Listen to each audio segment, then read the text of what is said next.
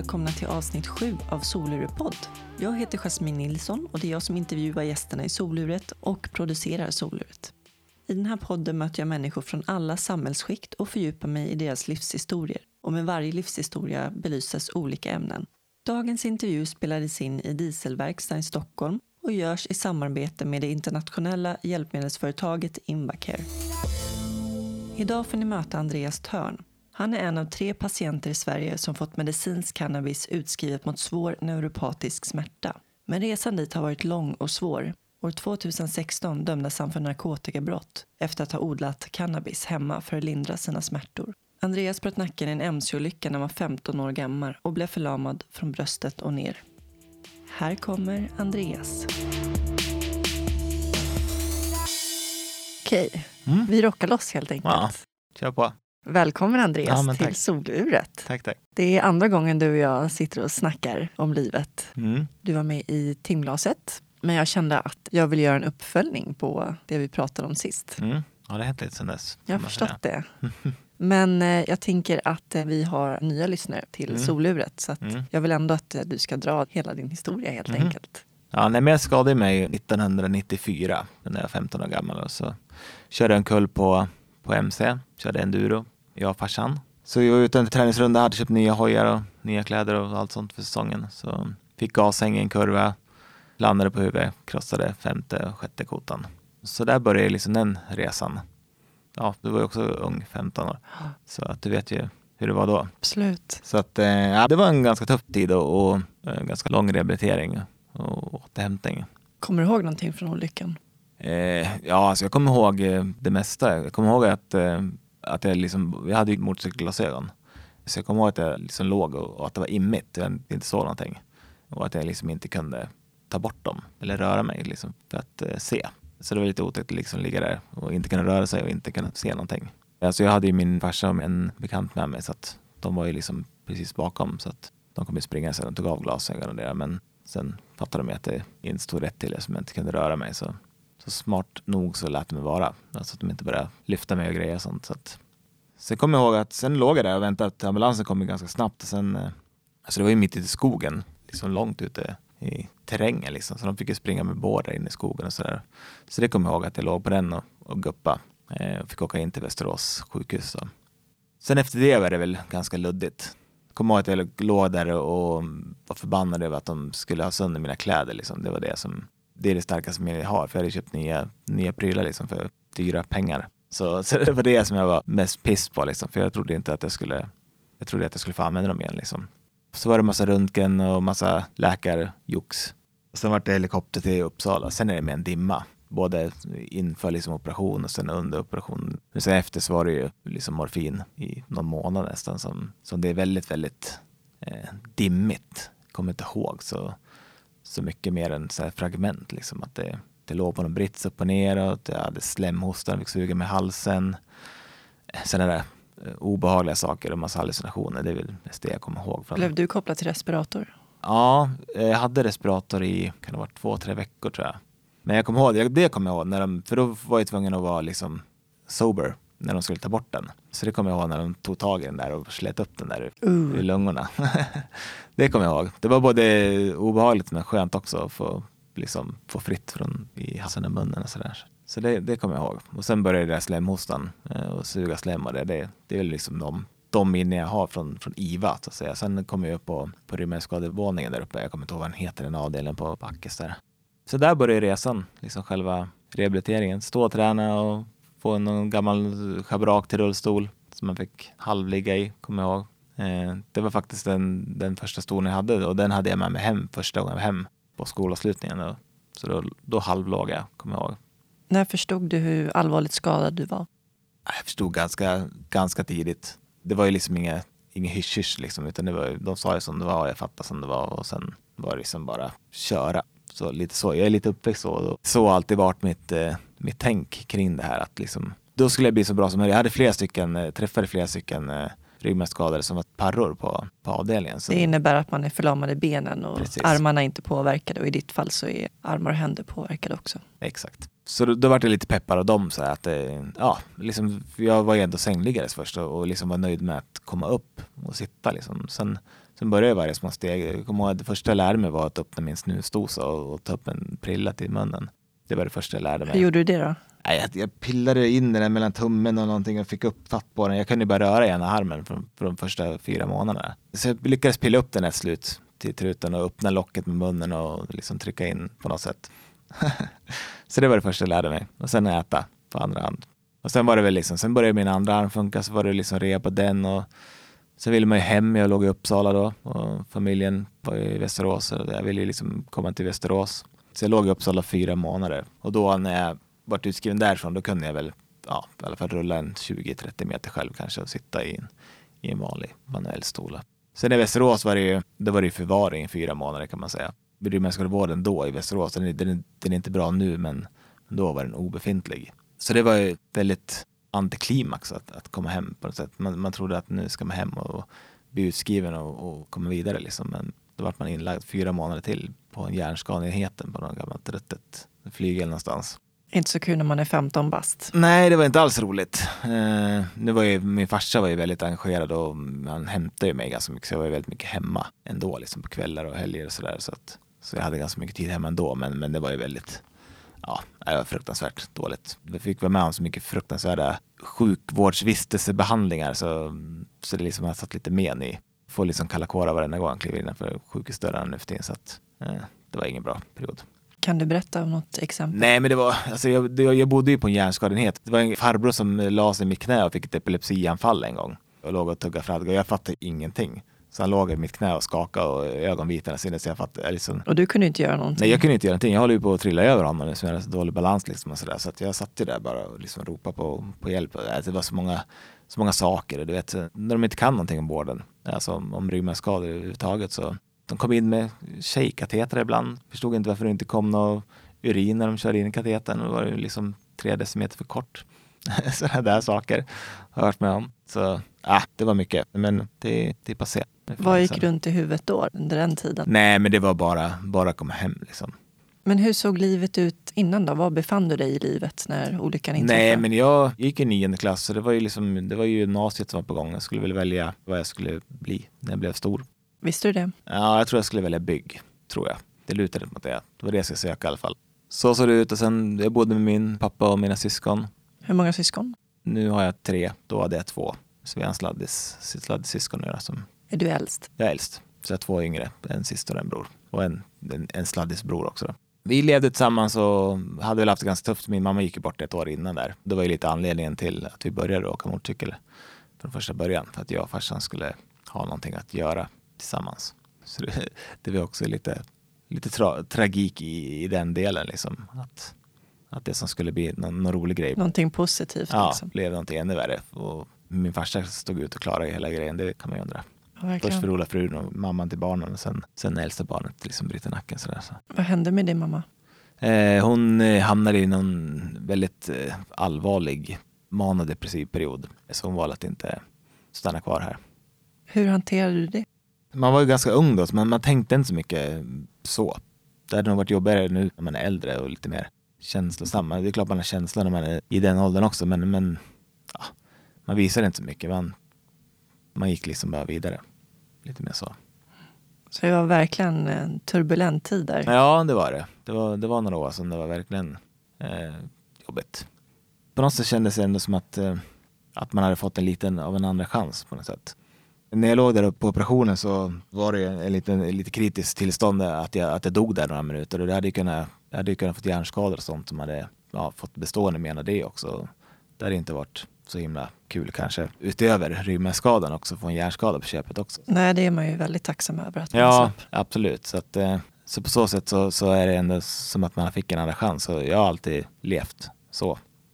Att jag försöker komma framåt och göra någonting bättre av livet. Och så kom du hem. Mm. Hur såg livet ut då? Nej men livet såg ut att jag tänkte att eh, jag ville ju göra någonting. Alltså plugga någonting eller komma vidare. Det funkar liksom inte så, så bra att ja, alltså få ett jobb när man inte har någon utbildning och sådär. Så att jag kände att jag, jag hoppar på. Jag började med att gå på, på så individuellt program för att känna på hur mycket jag orkade och sådär. Så att det gick ganska bra tyckte jag. Så jag hoppade på medieprogrammet och läste media eh, med inriktning på tryckmedia. Produktion för inför tryck. Det var kul, det var, en, det var en rolig tid. Det var lite jobbigt att, att vara lite äldre tyckte jag. Så mina klasskompisar var, var två år yngre och jag hade inte så mycket gemensamt. Man hade personliga studenter med sig och det var liksom ah, jag kände mig lite ensam i skolan sådär tre år. Det hade kunnat varit lite roligare och lite mer gemenskap. Men det är, på ett sätt förstår jag, när jag ser tillbaka på det så förstår jag ändå också att det är svårt svårt för dem också att veta hur man ska bete sig. Liksom. Så att många var ju så artiga men, men liksom man var ju aldrig inkluderad i någonting på något sätt. Så att... Och man själv var kanske inte heller tillräckligt stark än för att... Eh... Exakt, man hade, man hade inte börjat liksom veta hur man skulle lära känna folk. Liksom. Det, det var lite svårt att veta då. Nej, men jag klarade mig igenom det i alla fall med bra betyg också. Så att... Hur var det att få personlig assistans då? Eh, ja, i början var det väl inte sådär. Alltså, I början var det farsan som, som skötte allt. Liksom. Sen, sen började vi fasa in liksom, när jag kom hem. Och hemtjänsten kom på morgonen och sen fick jag några från kommunen tilldelade assistenter. Ja, för då liksom. fanns ju inte LSS. Jo, det kom, eller? det, kom det året, 94 okay. när jag gjorde illa mig. Så att, men det hade liksom inte börjat, man, man, sökte inte några assistenter utan man fick dem, man, man fick av kommunen. Eller jag, jag, hade en bekant som jobbade på hemtjänsten där som jag gillade. Så han började jobba hos mig. Det funkade ganska bra ändå. Jag tyckte det var jättesvårt att liksom, helt plötsligt som tonåring så ska man bestämma över vuxna personer. Hur mm. de ska ja. arbeta och vad de ska göra. Och det var ju det var ja. precis som du sa med din pappa, det var ju samma sak för mig med min mamma som fick eh, ta hela arbetsledaransvaret. Mm. ja, men så var det nog hos oss också. Och det är svårt att ställa krav och vara, ja svårt att få som man vill när man är i den åldern liksom på något sätt. Nu när man är vuxen så är det lite lättare att strukturera upp det tycker jag. Ja, det tog många år innan man växte in i den rollen. Mm, absolut. Men nu var det, vi var ju väldigt bra kompisar, han som jobbade hos mig då, Micke heter han. Så att det funkade ändå så bra ändå, för vi liksom gjorde saker till och med på fritiden liksom, när inte han jobbade och sådär. Så, så det var schysst liksom. Jag hade en kompis som, som jobbade hos mig. Det funkade bra. Okej, efter gymnasiet då? Jag tog steget att flytta innan jag fick ett jobb. Så jag flyttade hemifrån och, och levde på hamburgare och makaroner i ett års tid. så fattiglappsmat liksom hur länge som helst. Men jag har alltid varit intresserad av assistansen och, och den delen och få det funka och jag kände liksom att det enda sättet att få det funka och göra det själv. Liksom. Jag var med i en förening då, en lite större förening. Jag satt med i styrelsen och så där, var ganska engagerad och ganska, gick ganska mycket kurser och sånt där i arbetsgivarkurser och så då kände jag att äh, fan, vi bryter oss loss och startar en egen nischad assistansförening. Jag och en annan som också var ryggmärgsskadad. Men eh, det är alltid så när man är flera, det är flera olika viljor. Så att eh, det vart inte så bra som jag hade tänkt. Och, och då kände jag att nej, nu, nu skiter jag nu kör jag mitt eget helt själv. Så jag jobbade med det, startade upp ett litet assistansbolag för mig själv och sen skötte jag det allting själv. Allt arbetsgivaransvar som är med det. Så då kunde jag börja jobba, liksom, gå ner lite i aktivitetsersättning och börja kunna få lön istället och komma tillbaks.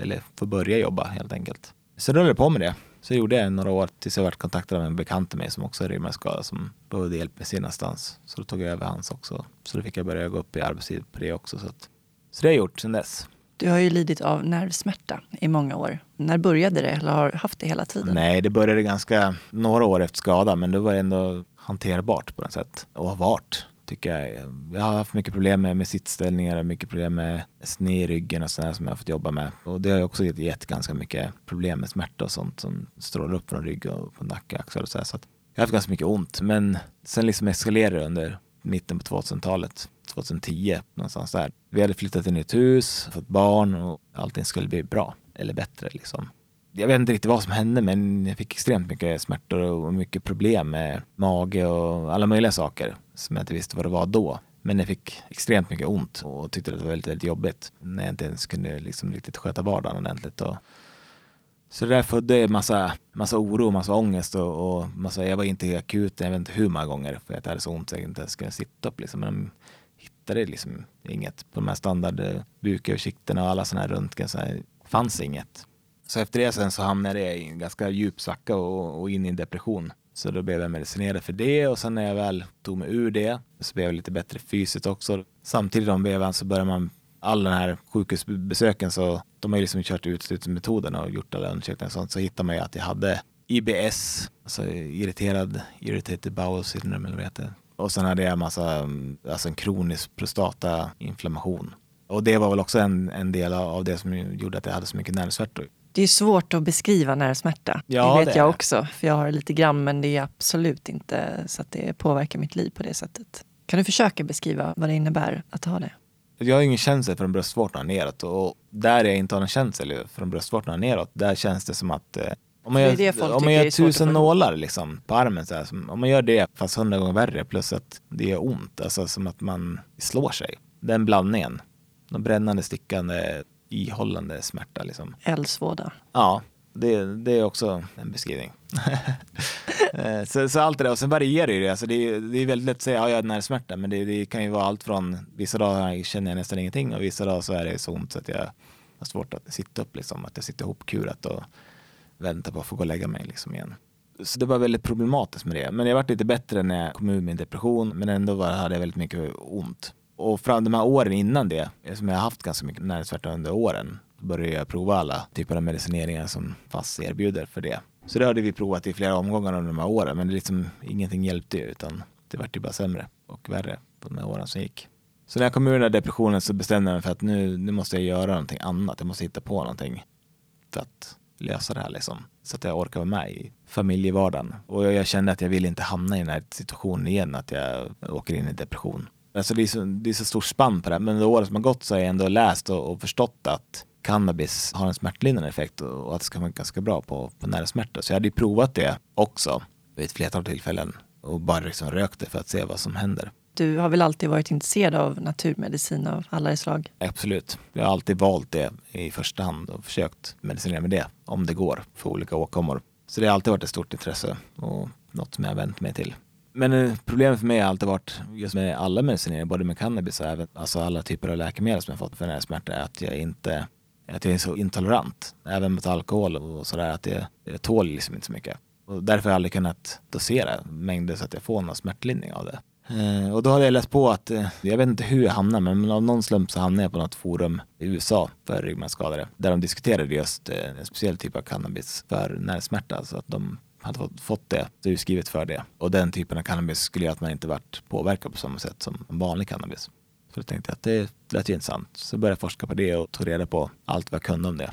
Sen bestämde jag mig, tog ett snack med min fru och sa det att nu tänker jag prova. Vad tycker du om det? Liksom. Hon tycker såklart att det var en bra idé fast en dålig idé som man ändå gör någonting olagligt. Så att, För det är ju otroligt stigmatiserat här i Sverige. ja det är det. Det är ju en känslig debatt. Ja det är det. Det är extremt känsligt och det, det har ju hänt jättemycket de senaste åren men det är fortfarande extremt känsligt. Det ser man ju liksom, bara man går till apoteket när jag ska hämta ut det så är det ju prat i kulisserna liksom och de tittar konstigt och det är liksom som att det är märkligt. Alltså om man bara ser till våra grannländer så har ju Finland skrivit ut medicinsk cannabis sedan 2006. Stämmer det. Och där har det ju varit att man har provat allting som de vanliga traditionella behandlingarna så funkar det inte så har man kunnat få prova det. Bara att läkaren skriver ut det, man får hämta ut det på det apoteket. Inget konstigt alls. Och även i Norge sen i höstas. Ja, precis. Och Danmark har ju också på gång att vissa patientgrupper ska få, få prova det om de vill. Bland annat ryggmärgsskadade och MS-patienter och cancersjuka och några till. Så, så det har ju funnits runt omkring och, och tittar man runt om i världen så har det funnits ganska länge och ganska utbrett. Både i Kanada och USA och runt om i Europa också för den delen. Hur som helst så bestämde jag mig i alla fall för att prova den här typen av cannabis. Och den här typen som jag odlar innehåller ju både THC då, som är den rusgivande effekten men även smärtlindrande effekt. Och CBD som är ett eh, antipsykotiskt och antiinflammatoriskt eh, cannabinoid. Det finns 400 olika ämnen i cannabis. Mm, det finns en hel del cannabinoider. Man vet ju inte riktigt hur alla integreras. så Det pågår ju inte så jättemycket forskning över det. Men, men det man vet är att som till exempel den här sativexmansprayen som finns där man har tagit ur bara THC och bara CBD så har inte det alls lika bra effekt som liksom hela plantextraktet liksom, så. Så det är en djungel liksom och det är, det, vi vet ju väldigt, väldigt lite fortfarande. Det är extremt mycket kvar att ta reda på liksom, om, om alla receptorer och, och hur de interagerar med varandra och alla kanaminoider och allt sånt. Men hur som helst så köpte jag hem en liten en pytteliten utrustning, alltså lite tält med lite lampor och sånt. Det var ju liksom världens projekt liksom att ta reda på hur man skulle odla. Jag kan ju inte ens odla en tomat liksom, så jag hade ingen aning om, jag har inte gröna fingrar kan jag Det är säga. väl en hel vetenskap Ja, ja, ja. Det, det ska vara olika tider på dygn, alltså de ska ha olika dygnsljus och det ska vara olika luftfuktighet och temperatur och ja. Men hur som helst, jag tog reda på allt vad man behöver ta reda på. För jag, är, jag är lite sådär att när jag bestämmer för någonting och, och sätter mig in i det så är jag liksom lite, lite manisk i de sakerna. Och det, det kan ju vara både bra och dåligt ibland. Men beror på vad man väljer att göra för något. Men ibland är det bra att vara lite manisk i sina saker. Så att eh, jag tog reda på allt och gjorde det liksom efter konstnärliga regler och det vart, vart väl ganska okej liksom ändå. Den växte och, och som allt den skulle och det blev blommor och jag skördade dem och torkade dem och allt sånt där. Det tar ju en 12 veckor ungefär från frö till, till dags för skörd liksom. Så under tiden hann jag på att läsa på mer hur jag skulle liksom eh, administrera för jag ville inte röka det. Som jag är ingen rökare och hade inga planer på att bli rökare heller. Varken av cigaretter eller cannabis. Så då tänkte jag att man skulle äta det på något sätt. Och då fick jag tips om att man kunde koka det med olja liksom. Koka det med kokosolja och så det släpper. Eftersom cannabidin är fettlöst det så släpper de och hoppar över i kokosoljan. Så att säga. Okej. Okay. Mm. Så, så jag, jag kokar upp i alla fall med kokosolja, vatten och, och cannabisen så efter ett visst recept. Det, det är världens bästa det också. Det som händer när man gjort det är att man får en färdig en kokosolja som är grön som man kan äta som den är eller som jag hade det i kaffet. Så jag började med pyttesmå doser, 0,05 gram tror jag jag började med under ganska lång tid. Sen började jag märka att så här, efter några veckor så tyckte jag att fan, jag har nog lite mindre ont. Så, där. så jag ökade på lite sakta doseringen och, och tiden gick och eh, jag blev bättre liksom, och bättre. Orkade mer, mycket mindre ont. Det man ska tänka på är att jag hade liksom redan innan jag ens hade börjat odla så hade jag redan avfärdat att jag skulle fortsätta odla för att jag tänkte att det kommer inte funka. Jag var lite skeptisk inställd, lite negativt inställd till och med till att det skulle funka för att eftersom jag hade provat cannabis förut och liksom mådde jättedåligt av att använda det så jag hade inte så stora förväntningar på att det skulle funka. Så visade det att det, att det var helt tvärt emot, att det funkade jätte, jättebra. Så då fick jag ju fortsätta odla. Jag odlade ju bara en planta första gången. Det räckte ju liksom inte så länge. Så nu fick jag odla tre plantor för att räkna ut att om jag odlar tre plantor och den dosering jag hade nu som funkar så, så skulle det liksom räcka till en ny liksom omgång så jag kunde hålla det rullande liksom så. Så jag odlade upp tre och gjorde samma sak, skördade dem och kokade olja. Så jag gjorde tre nya och det här är alltså under då, ja, ett års tid kanske, runt hela 2016 i stort sett. Nej, 2015, 14 även nu 17. Ja. 2014 började jag. Ja, för det var 2016 du blev dömd. Ja, 2015. I februari 2015, det var då polisen kom och knackade på dörren. Då hade jag börjat med en tredje odling. Då hade jag ju under ett halvår i alla fall haft kontinuerlig tillgång till min medicin. Liksom att under den tiden hade jag ju liksom också gått upp då i arbetstid. Och, ja, det var fysiskt och psykiskt mycket, mycket bättre skick liksom under de här ett och ett halvt, nästan två åren som jag använde min hemmagjorda medicin så att säga. Nu tar vi en kort paus för jag ska ringa upp min samarbetspartner Invacare. Invacare Thomas Müller. Hej Thomas, det är Jasmin här. Hej Jasmin. Hur är läget med dig? Det är alltid bra med mig. Det är bara fråga om hur bra det är. Ja, men det är skönt att höra. Hur. jo, men det är skämt åsido. Det är bra, måste jag säga. Du är ju VD på Invacare. Vad innebär det? Vad är din roll i företaget? Det är riktigt. Jag är VD för Invacare. Då har jag varit sedan 2004. Och Invacare det här är ett försäljningsbolag. Man svarar för Sverige och försäljningen till Finland.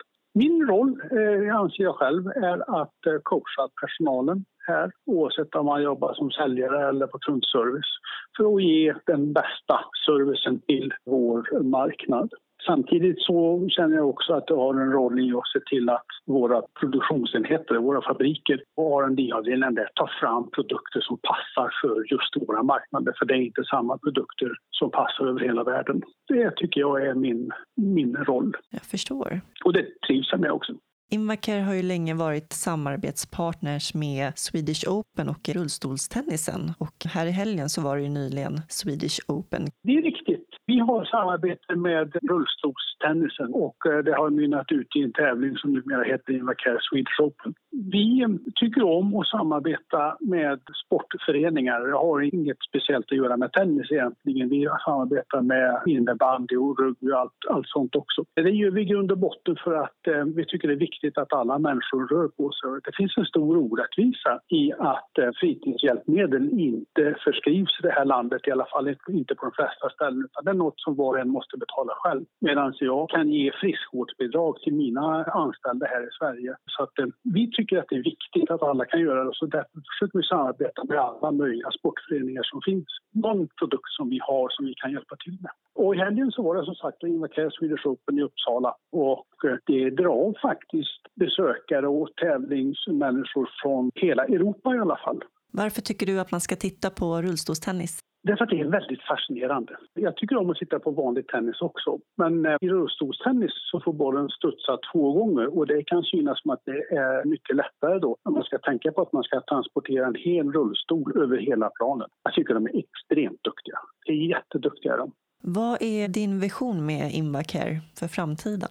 Det är större och större behov av hjälpmedel Eh, eftersom befolkningen ökar och befolkningens andel av äldre ökar också. Och visionen som jag har det är att hjälpmedel ska kunna underlätta ännu mer än vad det gör idag för att alla ska ha en tillgänglighet till vårt land och våra offentliga miljöer. Och vi kan dra ett litet strå till stacken med just hjälpmedel. Men sen så måste många andra saker anpassas i samhället också. Absolut, det är mycket som behöver göras på den fronten. Ja, men du kan ta Arlanda som exempel, som är en stor offentlig miljö. De gör jättemycket själva och sedan så konsulterar de oss just när det gäller hjälpmedel. Jag skulle kunna framhålla Scandic-hotellen också. De arbetar eh, mycket med tillgänglighet och där är vi en liten del i det hela pusslet. Men det är vad vi är bra på och det är vad vi ska fortsätta göra. Jag förstår, det låter jättebra, tycker jag som själv är rullstolsburen också. Tack så jättemycket Thomas för att jag fick ringa upp dig. Tack för att jag fick bli uppringd av dig, Jasmin. Ha det bra så länge. Detsamma. Hej då. Hej. Var ni nyfiken på hur dina assistenter förhöll sig till eh, odlingen? Ja, alltså de assistenter jag hade då hade ju jobbat väldigt länge. Alltså jag, diskuterade, jag pratade med dem såklart innan jag började och liksom visade upp allt, alla belägg och varför jag skulle prova det. Liksom. Det var genomtänkt? Ja, det var genomtänkt. Vi diskuterade och, och frågade om det var okej okay, och alla tyckte att det var okej. Okay de två som är inblandade i, i, det. Så det var inte så mycket. Sen när det väl, när det väl var igång, det är ju inte jättemycket skötsel när allting liksom är på plats. Maria, min fru, hon gjorde ju en hel del av det och hjälpte till liksom för, att, för att inte blanda in, fast de var ju redan inblandade. Men på något sätt kändes det bättre att hon hjälpte mig med det. Och alla visste ju liksom, hade ju sett mig under åren, hur mycket problem jag hade med allting. Så att, och den positiva effekten av det. Ja, och sen när det vände sen och, och så den liksom stegrande positiva effekten så var det liksom självklart för dem på något sätt. Och, och det är det än idag. Och sen kom de och knackade på ja, polisen. Precis. Och, och då blev det ju lite, då blev det lite jobbigt. lite kaos kan man säga med, med allt. Liksom. Man oroar sig för jag hade inte läst på direkt så mycket vad som händer när man blir straffad och dömd och liksom alla sådana saker. Liksom. Och det fanns inte i mitt, i mitt eh, tänk. Vad var första känslan när de kom Nej men alltså på? det var ju, alltså, jag, jag kommer inte ihåg, det var ångest bara. Alltså, jag kände bara att det var fruktansvärt. Men samtidigt kände jag att okej, okay, de är här. De Vad här. sa de när de kom in? Nej, de, de, de frågade om de fick komma in och titta för de hade fått indikationer eller fått någonting på att jag hade handlat utrustning för, för att framställa olovliga substanser eller sånt där sa de. Det spontana var ju nej men vadå? Alltså nekandet liksom. Men sen kom de in så ja vi vill gärna komma in och se oss omkring. Och de ville gå till tvättstugan så att de visste ju vad de ville. Då kände jag så att okej, okay, det är ingen mening att, att liksom ja, de kommer ju gå in i alla fall liksom, och det är ingen mer att ljuga. Liksom. Så då visade de bara vad det var, sa som det var. Sen fick man ju ha förhör på plats där och då berättade jag bara kort liksom bakgrunden till det. De kände väl också ett visst vemod förstod jag det som? Att, ja, de tyckte inte det var så jättekul dag på jobbet, kändes som i alla fall. Men alltså, när man förklarade för dem så förstod de ju varför jag hade gjort vad jag gjort. Liksom. Och det gjorde jag även när jag var på, när jag fick komma på ett riktigt för sen, ett större, mer omfattande för nere på polisstationen han var ju också ganska förstående liksom på ett sätt. Fast samtidigt så har jag gjort en, en olaglig gärning liksom och någon ville sätta dit mig för det helt enkelt. Och det var väl också så en del som, vem är det som har sett till att det blivit så här? Det vet jag fortfarande inte idag och jag har lagt det lite bakom mig. Men då tyckte jag att det var en stor del. Måste ju ändå gnaga en del. Alltså. Ja, det är klart det gnager. Eh, det gör det fortfarande. Men jag kommer aldrig få reda på vem det är om inte den personen själv säger det. Eller de, de personerna, jag har ingen aning. Hur är det med grannar och sådär då? Hade de kunnat? Ja, det, det kan det nog vara. Alltså jag, jag vågar inte spekulera riktigt i Nej. hur det kommer ifrån. Men, och det är väl en av anledningarna till att jag inte bor kvar där jag bor längre heller. Okay. del, vi flyttade därifrån sen också. Så att, eh, av flera anledningar, men det var en anledning. Sen blev jag uppringd av en, jag kommer inte ens ihåg hur jag fick kontakt med, med min advokat, men, men han ringde upp mig i alla fall. Och vi började diskutera möjligheter och sådär. Sen har ju cirkusen rullat på sen dess och gör fortfarande. Förra sommaren så åtalades du av Västmanlands tingsrätt. Precis. Och friades då från brottsmisstankarna. Åklagaren valde att överklaga och sen gick hovrätten emot tingsrättens beslut och dömde dig till villkorlig dom och dagsböter på typ mm. 11 000 spänn. Mm. Hur var det att sitta där i rätten? Jag hade två banor kan man säga efter det här. Första var hur ska jag kunna få tag på min medicin igen? Det var min första tanke. Det är liksom det, överlevnadsinstinkten ja, som kickar in. Ja, men jag kände så jag måste lösa det på något sätt. Jag kan inte odla igen på en gång, men jag måste liksom lösa det på något sätt. Så jag började med sjukvården och försöka liksom få Sativex. Innan jag åkte dit så hade jag försökt att få det på recept för att jag skulle, hoppades att det skulle funka lika bra och att jag skulle slippa odla. Och det hade dragit ut på tiden och, och det som är så dyrt och det skulle diskuteras om de skulle subventionera eller inte. Eh, så det var ett spår som jag hela tiden, som jag hela tiden har jobbat på ända sedan, sedan dess, liksom slutet på 2014, början på 2015. Att hitta ett lagligt alternativ. Det var en del. Jag ska säga det också att de ansåg inte att det var tillräckligt akut. Ja, hovrätten Din ja. smärta, ja, Ja, precis. nej men precis. De anser inte att, min- att jag inte har befunnit mig i nöd. Nej. För att eh, mina handlingar inte har varit akuta. Att jag inte har gjort dem på impuls liksom. Utan att det är mer kalkylerat och eftertänkt och under så lång tid.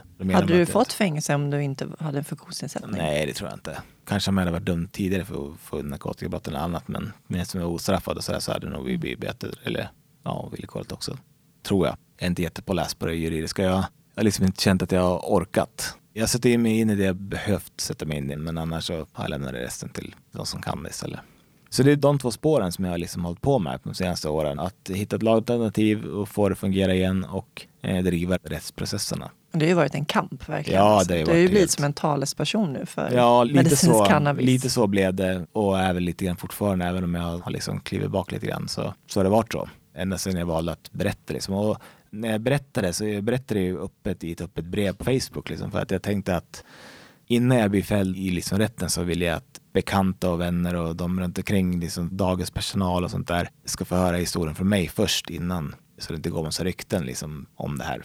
Det var mitt syfte med mitt inlägg som sen spred sig och gjorde att jag dessutom fick kontakt med både advokater och annat. Du har haft kontakt med Claes Hultling också som Mm. själv har en ryggmärgsskada Precis. sedan över 30 år tillbaks och är läkare som har varit ett Ja, stöd. han, har varit, han har varit väldigt engagerad. Det började med att jag och eh, en som heter Fredrik som är forskare och han kontaktade mig och ville hjälpa till med att eh, skriva den här ansökan för att kunna söka licens på ren medicinsk cannabis. Alltså. Han är med i Soluret. Ja, vad kul. Vi har haft kontakt länge nu och det var där igenom och sen var det Claes engagerad också. Och Claes känner jag sedan i massa år tillbaka. Så det var en självklar del att vi tog tag i det allihopa liksom och, och körde järnet. Vi höll på med det i ja, lång tid. Från eh, början på 2015 till februari 2017 så fick vi igenom licensen till slut. Och du är en av tre personer har jag förstått idag Mm. som har fått Korrekt. det utskrivet. Mm. Och hur var känslan då första gången när du Känslan var fick det? Det var mm, lite oväntat. Vi hade jobbat med det där alltså varje dag. Skickade mejl och ringde och bombarderade och höll på. Ja, det har väl känts ganska hopplöst Ja, också, ja. men eh, det var ju såklart glädje över det. Och en lättnad. Otrolig lättnad.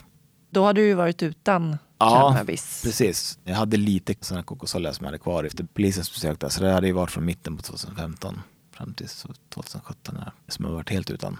Men Sen tog det i och för sig två månader innan det hamnade på apoteket. Men det var också en kamp i sig att få hem det liksom. För det var inte helt enkelt. På vilket sätt? Nej, men det var ju det var ingen som visste hur de skulle få hem det till att börja med. Det var massa tullregler och sånt som, ja, jag var inte så jätteinsatt. Men till slut så kom det till apoteket i alla fall. Hur var det när du hämtade ut det? Mm, jo, men det var skönt. Det var, det kändes som en ny start liksom. Personen bakom disken. Ja, nej, men vi hade ju haft väldigt, väldigt mycket kontakt, hon och jag. Så, där, så när vi träffades var det som att vi kände varandra. Typ. För att, eh, Det var någon person på apoteket varit, som- Ja, och det hade varit både glada mejl och väldigt arga mejl. Så, Okej.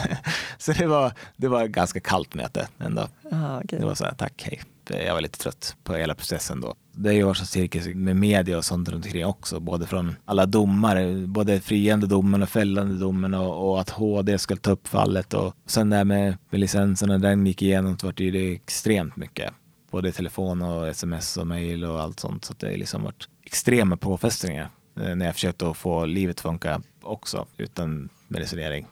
Det var skönt att få det. Hur ser medicinen ut? Nej men det kommer i fem små burkar med fem gram i som är liksom färdigsmulat. Det är som torkad växt, som te, lite så. Och hur är smärtan idag? Idag är den ganska på rätt väg framåt. Jag fick ju det här i början på april och då är det så här att med den här godkända licensen så ska man, det är för tre månader där, och det ska utvärderas på tre månader och då ska läkaren skriva in sen och tala om om det funkar och det var väldigt viktigt att anteckna alla biverkningar eller annat och eh, föra smärtdagbok och det var världens process bara för att få det liksom och använda det. Så jag var ganska stressad över det när, när jag började, att komma upp i dosering. För när jag började med mitt första gången, liksom, när jag odlade själv, då började jag som jag sa i mycket, mycket små doser under väldigt, väldigt lång tid. Så nu dunkar jag på liksom, öka dosen varje dag nästan, liksom, så länge jag känner att det höll, att jag inte mådde dåligt av det. Så för att komma igång med en hög dos och se att det funkar liksom allt. Det blir lite för mycket. Sen vet jag att min mage blir lite seg Och när jag använde väldigt stora mängder nu då fick jag reda på att så stannar det upp liksom. Så jag åkte på världens förstoppningar och så skulle jag ut och resa. Så det är skitmycket på jobbet och lösa med så att eh, ja, det blev liksom lite mycket där ett tag. Jag var tvungen att dra ner på doseringen och det och jag kom i alla fall iväg på den här resan till Kreta med familjen. Så när jag väl kom dit så blev det som att jag vet inte, all, allt som har varit med, med allt, all, all stress och press som har varit under de här åren, det tog liksom stopp på något sätt. Urladdad. Eh, ja, jag tänkte att jag skulle åka ner och vila upp mig på semestern. Men när jag kom ner dit så var jag bara mer stressad. Jag liksom kunde inte få stopp på, det liksom bara eskalerade. Jag började få tillbaka massa ångestproblematik och, började bli väldigt stressad och ofokuserad och hade jävligt jobbigt. Så de sista två dagarna när jag var på Kreta så hade jag till och med minnesluckor för jag var så förvirrad och mådde rent dåligt helt enkelt. Och det var ju lite grann för när jag fick den här förstoppningen då innan jag skulle åka så fick jag ju väldigt mycket problem med smärta igen. Men det, det blev ett antiklimax på något sätt. Att allting skulle bli så mycket bättre och sen blev det bara kaos för att, det, för att jag var så stressad över allting. Och jag går ju som psykoterapeut, har gjort det under flera års tid och hon har liksom varnat mig senaste året att du är nära nu alltså. Det är nära att du, du måste börja trappa ner på någonting, antingen på jobbet eller på det du håller på med, med allt det här med cannabisprojekten liksom. Hur mycket jobbar du? Först jobbade jag 100 procent, då hade jag gått ner till 50 under de här senaste två åren. Men det var ju mer på papper. För det har inte riktigt blivit så. Det blir nästan heltid i alla fall, fast jag inte får och kan och ska. Så jag var, jag var varnad, men jag tänkte liksom, ah, men det är lugnt. Det, det känns ingenting än. Så då är det bara att köra på. Det är så det brukar vara, så man går in i väggen. Ja, så när jag kom hem där från Kreta, då var jag också omedicinerad där ett tag. För att jag kände att jag var tvungen liksom att, jag visste inte vad som var längre. Jag visste inte vad som gjorde ont. Jag visste inte vad, jag var inte akuten igen. Flera gånger för att jag hade så, så fruktansvärt ont som jag hade då 2010. Så inte, det spädde bara på. Jag hade förväntansångest liksom att jag, oh shit nu kommer jag nog få någon depression igen. För nu känns det precis som förut. Får du någon slags panikkänsla? Ja, jag fick eller? panikattacker och sånt. Och det hade jag jättemycket när jag var på Kreta. Det var jävligt jobbigt. Fick sådana anfall hela tiden. Det vart värre och värre liksom. Och jag kom hem och tänkte, okej nu måste jag ta det här innan det spårar. Jag kommer ihåg att jag skulle skriva en mail till Axel, min läkare, när jag kom hem. Jag tror det tog mig 45 minuter att få upp tre rader. Så förvirrad var jag. Ingenting fungerade. Jag tänkte nu, jag måste göra något åt det här. Det här är liksom, det går inte. Så jag fick tid hos honom. Jag var även upp till psykakuten på inrådan av omgivningen. De gör ju ingenting om man inte är självmordsbenägen. Mm. Så de skickade hem mig på en gång. Och så, ja. Men jag fick i alla fall träffa Axel ganska snabbt och, och vi liksom började beta igenom vad, vad som har hänt liksom med tiden och sådär. Och då fick jag ju diagnosen utmattningssyndrom slash utmattningsdepression. Så då blev jag sjukskriven lite mer och vi satte in en lite medicinering också för det. Och jag lät bli Bediolet så länge för att jag inte visste hur jag skulle ta det eller vad jag skulle ta. Eller liksom, det, ingenting funkade, varken fysiskt eller psykiskt. Så då kände jag så att det, jag kan inte liksom utvärdera det här nu. Så jag tar en paus helt enkelt. De började verka ganska snabbt eh, medicineringen och liksom började förstå vad, vad som hade hänt. För det förstod jag inte riktigt då, utan nu började jag förstå, okej, okay, det här var det som hände. Nu kan jag styra mina egna tankar. Nu förstår jag. Hur som helst så, så kände jag att nu får jag dra i bromsen, nu får jag börja om liksom. Nu är jag sjukskriven, jag jobbar 25 procent, bara göra det jag absolut måste med jobbet. Så börjar jag om från noll med allt. Och det har jag gjort nu. Det går ju väldigt bra framåt. Jag började med Bediolen igen ganska snabbt efter att det hade liksom stabiliserat sig igen. Men nu började jag i väldigt låga doser och kör i min takt. Nu skiter jag i vad Läkemedelsverket och vad läkare och utvärderingsbyråer, allt sånt. Utan jag kör mitt som jag brukar göra, som jag gjorde förut helt enkelt. Och det funkar bra. Så nu har smärtan börjat släppa igen också. Finns hopp om livet? Ja, ja, det är det absolut. Jag har gått väldigt mycket in i mig själv och försökt gjort väldigt mycket meditationer och mindfulnessövningar och, och vilat. Alltså när man blir så här utmattad så första veckan så typ sov jag. Jag klev upp och så satt jag, satt jag och sov. Alltså jag var så trött så jag kunde inte ens göra någonting. Så då var det lika bra att ligga och sova liksom. Så jag sov mest. Sen när det började släppa lite grann, då började jag liksom ändå fokusera på att mer på välmående. Allting är inte bara jobb och stress och sånt, utan får försöka hitta de sakerna som, som ger en lugn, som man mår bra av liksom. Så det har jag gjort. Så nu har jag kommit igång och träna igen och kör lite sånt och jag gör min gymnastik som jag ska. Jag gör min mindfulness och vilar och tar det lugnt och hänger med familjen och det var länge sedan jag mådde så här bra som jag mår nu. Fast det var länge sedan jag var så dålig som jag var för några månader sedan om jag ska sammanfatta det lite kort. Så Skönt att höra. ja, Men din familj, hur har de förhållit sig till, till det här, hela den här processen? det har varit jättejobbigt för dem också såklart. Både, alltså allt från, från det att eh, polisen knackade på dörren, eller såklart innan också när jag mådde dåligt av att jag hade ont såklart.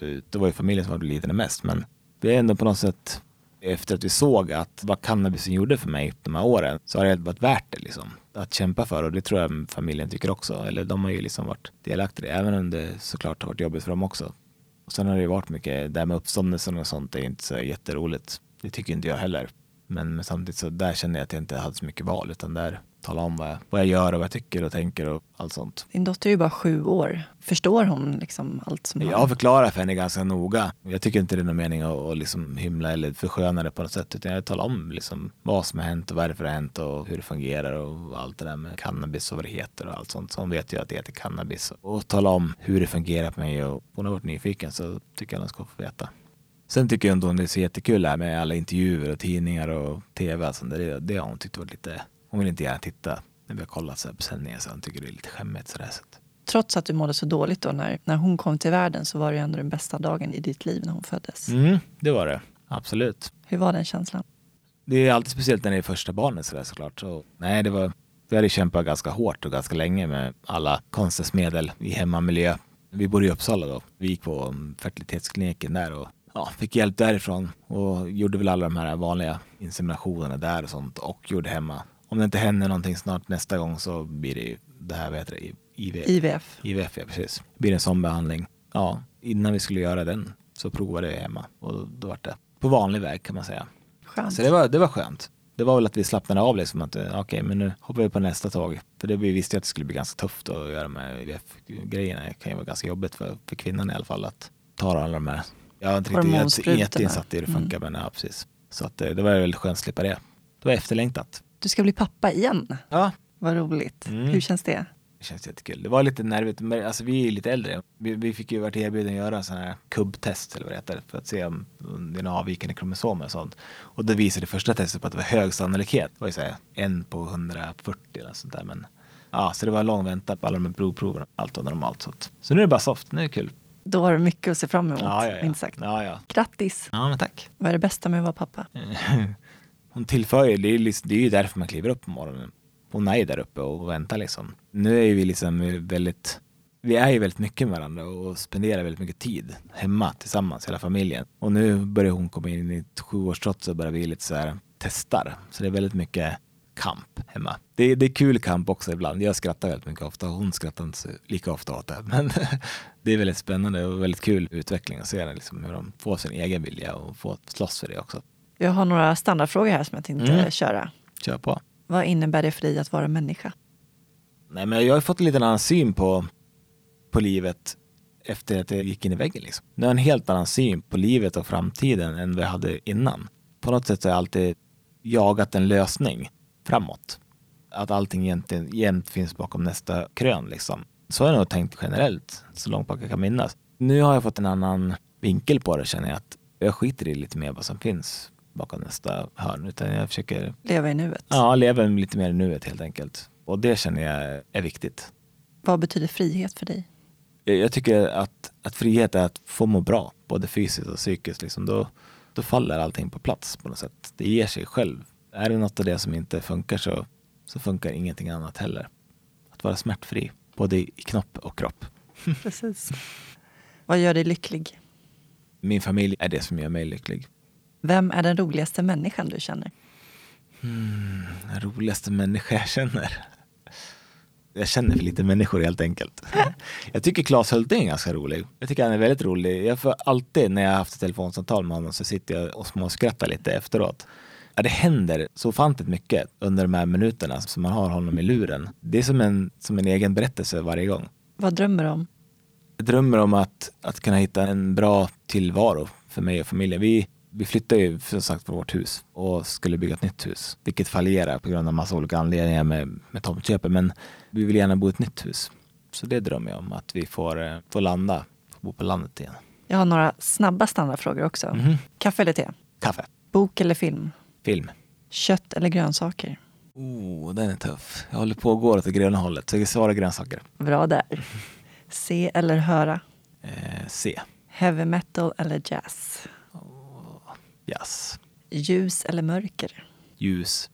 Fort eller långsamt? Långsamt. Lyssna eller prata? Lyssna. Du, eh, din t-shirt, den representerar. Ja, den representerar. Make hemp, not war, står det på Mm. den. Born to chill står det också. Det är mitt nya Det motto. är ju passande nu. Ja, Born det är to det. chill. ja, det är mycket chill nu. Skönt. Ja, det är asskönt. Vad har du för tatueringar på armen? Du, vi började här. Det är en bekant till mig som jobbar som tatuerare. Jag fick freebasea lite. En handikappsskylt här som är lite sliten. Så är det ett eh, The worst crime. Is faking it. Det ett Kurt Cobain citat som jag har levt med mig sedan jag var ungdom. Sen är det bara lite, lite utfyllnad och sen är det såklart en En hjälm. endurohjälm också för att representera lite. Sen ska det gå ihop lite mer och vara lite mer snyggt sådär, men jag orkade aldrig klart och sen har jag liksom bara, så vill jag börja på något nytt och sen har jag inte haft tid och ork och lust och sen Vad ska du göra resten av dagen? Ja, jag ska åka och gå ut och, och eh, städa lite på min båt som jag köpt. Okej. Ja, Vad är det för båt? För, I lördag så, alltså jag är ju uppvuxen på en ö i Mälaren och alltid varit på sjön i alla år när vi var små. Så efter skadan så har det blivit naturligt att man kommer inte i vanliga båtar. Så jag har alltid velat komma ut på sjön igen mera regelbundet. Jag har haft en sån här Blocket-bevakning i typ tre år på sån här pontonbåt, som en, alltså två pontoner och en brygga, partybåtar brukar den kallas. Så det dyker upp någon sån under året så att jag sa, "Åh, nej jag orkar inte åka till Göteborg och titta. Så dök det upp en i Köping här förra helgen. Tänkte, ja men jag åker och tittar i alla fall. Jag ska i alla fall åka och kolla, jag har ändå ingenting att göra. Så jag åkte och kollade på den, det skulle jag inte ha gjort. Så jag köpte den på plats där direkt. Så, att, så jag köpte en båt. Mm, så det är mitt nya projekt. Så den ska ge i helgen. Härligt. Så då vet ni var ni hittar mig, på Mälaren någonstans. Ja, jag kommer att testa någon, Ja absolut, ja, det rymmer i alla fall en par, tre rullstolar kan man Ja. klämma på. Det tror jag. Så jag längtar. Det är något som jag verkligen har sett fram emot och tänkt.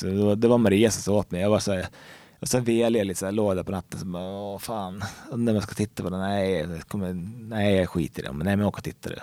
Jag bara, om jag tittar då kanske jag vill ha den. De bara, ja, men köp den om du vill ha den. Gör det. Gör någonting som du tycker är kul för en gångs skull. Du gjorde det. Det gjorde du rätt i. Ja, det är kul. Livskvalitet. Ja, det kommer bli livskvalitet. Tack så jättemycket för att du kom och delade med dig av ditt liv. Tack för att jag fick komma. Och ta det lugnt. Ja, det ska jag göra. Lugnt och skönt. Jag förstår inte varför det finns en sådan stigma kring naturliga läkemedel när det bevisligen funkar. Jag tycker att Andreas är modig och stark som tar kampen för detta. Som jag nämnde i intervjun så har jag intervjuat kemisten Fredrik von Kieseritzky, som berättar utifrån en forskares perspektiv om varför medicinsk cannabis kan vara behjälplig mot neuropatisk smärta. Han är med i avsnitt 3 av Soluret. På Solurets hemsida, solurepod.se, kan ni lyssna på alla intervjuer och även kontakta mig. Följ gärna Soluret på Facebook och Instagram och ni får gärna betygsätta Soluret på iTunes. Jag föreläser om min livshistoria, så om ni skulle vara intresserade av en inspirationsföreläsning kan ni gå in på min hemsida textjasmin.se för mer info. Jasmin med y och inge e på slutet. Tack än en gång Invacare för samarbetet. Avsnitt får ni möta Maria Svan Moraes. Som tonåring levde Maria ett destruktivt liv och redan som 13-åring fick hon en LVU-dom, lagen om vård av unga, efter ett rånförsök. Nu vill hon hjälpa andra som befinner sig i en svår livssituation med kriminalitet och våld. Hon är även aktiv kommunalpolitiker för Miljöpartiet de gröna i Linköping. Avsnittet publiceras söndag den 12 november. Med tanke på dagens gäst avslutar jag med ett citat från en okänd person. Missta inte mina dåliga dagar för tecken på svaghet. Det är de här dagarna som jag kämpar allra mest. Tack så mycket för att ni lyssnade och ta hand om varandra. Hej då!